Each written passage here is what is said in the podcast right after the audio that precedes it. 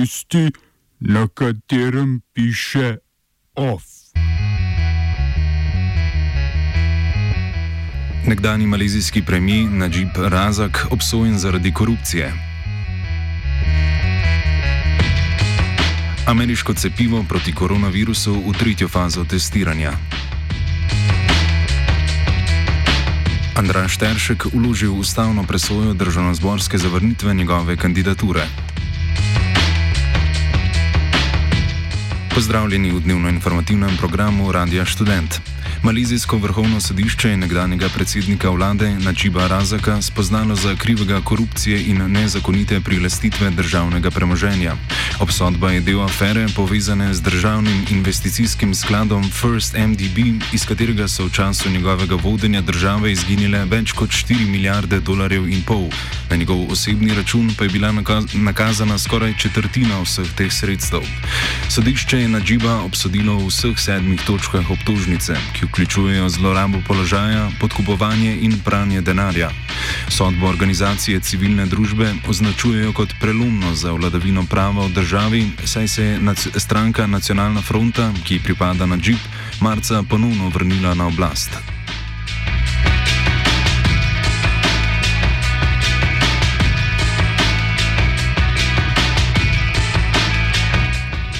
Kitajska vlada je danes sporočila, da bodo začasno prekinili izvajanje izročitvenih sporazumov, ki jih je Hongkong sklenil s Kanado, Avstralijo in Veliko Britanijo.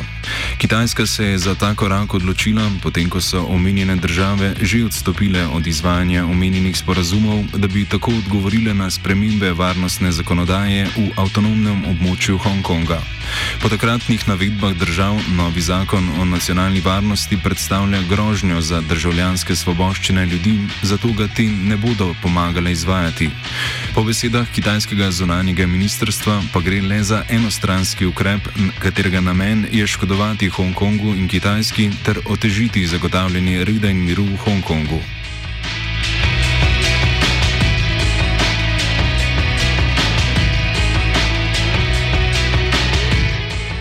Jutri se v Saudski Arabiji začenja tradicionalno muslimansko romanje v Meko, ki pa bo letos potekalo v precej zmanjšenem obsegu. Romari bodo morali pred obiskom in po njem v karanteno, med obiskom pa jih bodo večkrat testirali. Letos so oblasti sprva napovedovane, da bo na pot lahko odšlo le tisoč lokalnih prebivalcev. Ukrepe so zdaj nekoliko umilili, da bo lahko potovalo do deset tisoč ljudi, kar pa je še vedno veliko manj od običajnega števila, saj se na romanje vsako leto odpravi na milijone ljudi. Romari bodo prejeli paket, v katerem so sterilizirani kamni za ritualno kamenjenje hudiča, razkožila, maske, molitvena preproga in oblačila. Poročanje neposredno z Romanja so prepovedali tudi veliki večini tujih in domačih medijev.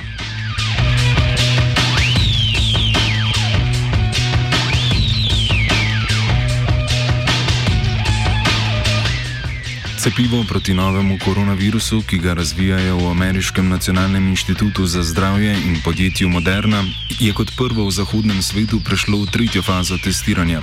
Gre za fazo širokega testiranja učinkovitosti in varnosti cepiva, ki ga bodo izvedli na 30 tisoč prostovoljcih.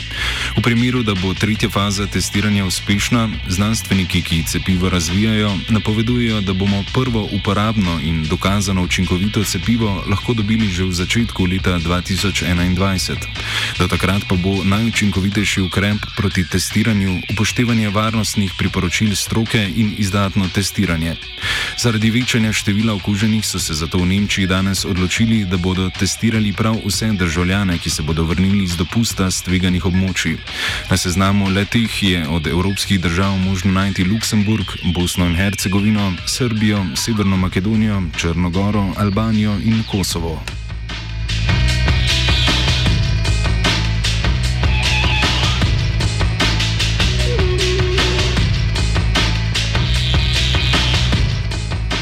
Boj proti okužbam pa ni edina borba, ki se te dni odvija v Nemčiji.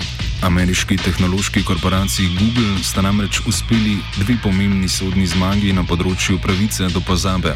V obeh primerjih je Nemško vrhovno sodišče pritrdilo odločitvi nižjega sodišča, da podjetju ni treba avtomatično odstranjevati nekaterih podatkov o preteklem življenju ljudi, ki so del iskanih rezultatov njihovega iskalnika.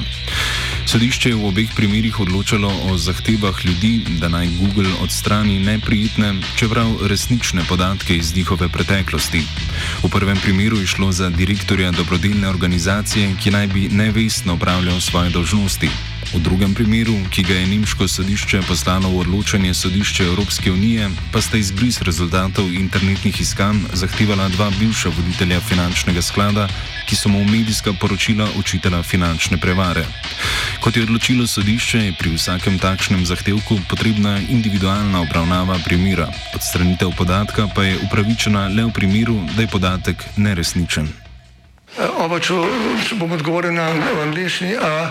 Uh, uh, Slovenija will try to help. Uh, we can. Slovenija will. Uh, and we will. Do our utmost. To say that the situation is.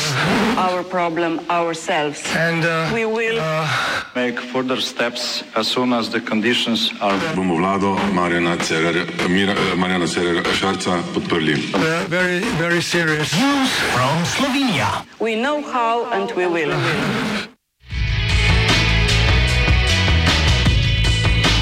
Andraš Teršek, čigar kandidaturo za ustavnega sodnika je na tajnem glasovanju državni zbor junija zavrnil, je zdaj prav na ustavno sodišče uložil presoje ustavnosti državnozborskih postopkov. Teršek je imel pred glasovanjem javno podporo 50 glasov, na tajnem glasovanju pa jih je dobil zgolj 42, pet glasov premalo, kar osem poslancev pa se je glasovanje vzdržalo. Neizvoljeni kandidat v vlogi presoje trdi, da je takšno neopredeljevanje med glasovanjem neustavno in krši načela demokratične legitimacije poslanske funkcije, transparentnosti zakonodajnega odločanja in ustavno načelo oblasti ljudstva. Poleg omenjenega Teršek v vlogi zakonodajnim postopkom državnega zbora očita še več drugih nepravilnosti in pomankljivosti, ki naj bi glasovanje naredile neustavno.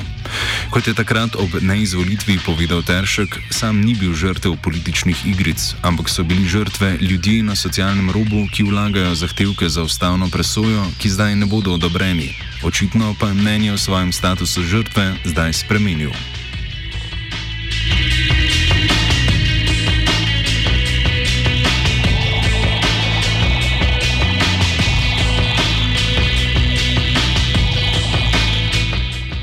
Višje delovno sodišče pa je pritrdilo odločitvi prvostopenskega sodišča, da je bila odpoved delovnega razmerja nekdanjemu komandirju policijske postaje Dravograd Bogdanu Brezovniku upravičena.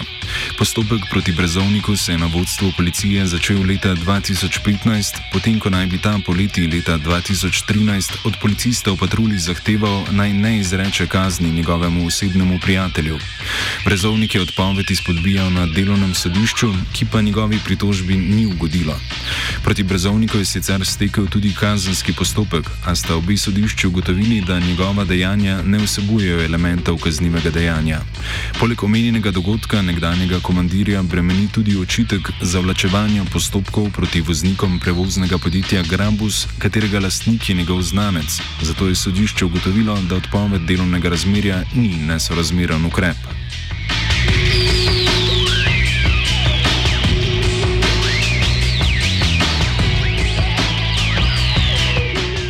Vršilec dožnosti sekretarja skupnosti socialnih zavodov Denis Sahrnik je sporočil, da je izvršni odbor skupnosti včeraj odločil, da bodo izstopili iz delovne skupine za COVID-19.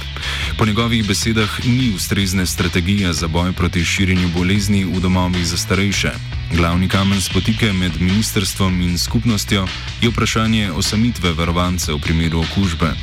Kot so prepričani v skupnosti, je takšno osamitev treba zagotoviti zunaj domov za ostarele, za kar pa prepozno dobivajo strokovno pomoč oziroma njihove zahteve sploh niso upoštevane. V delovno skupino bodo vstopili nazaj takoj, ko bo vlada zagotovila sistemsko rešitev tega vprašanja.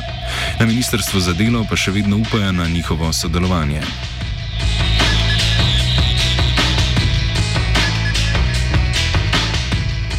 Ofo je sodil Koruza, sedaj pa Juž Šolte s kulturnimi novicami.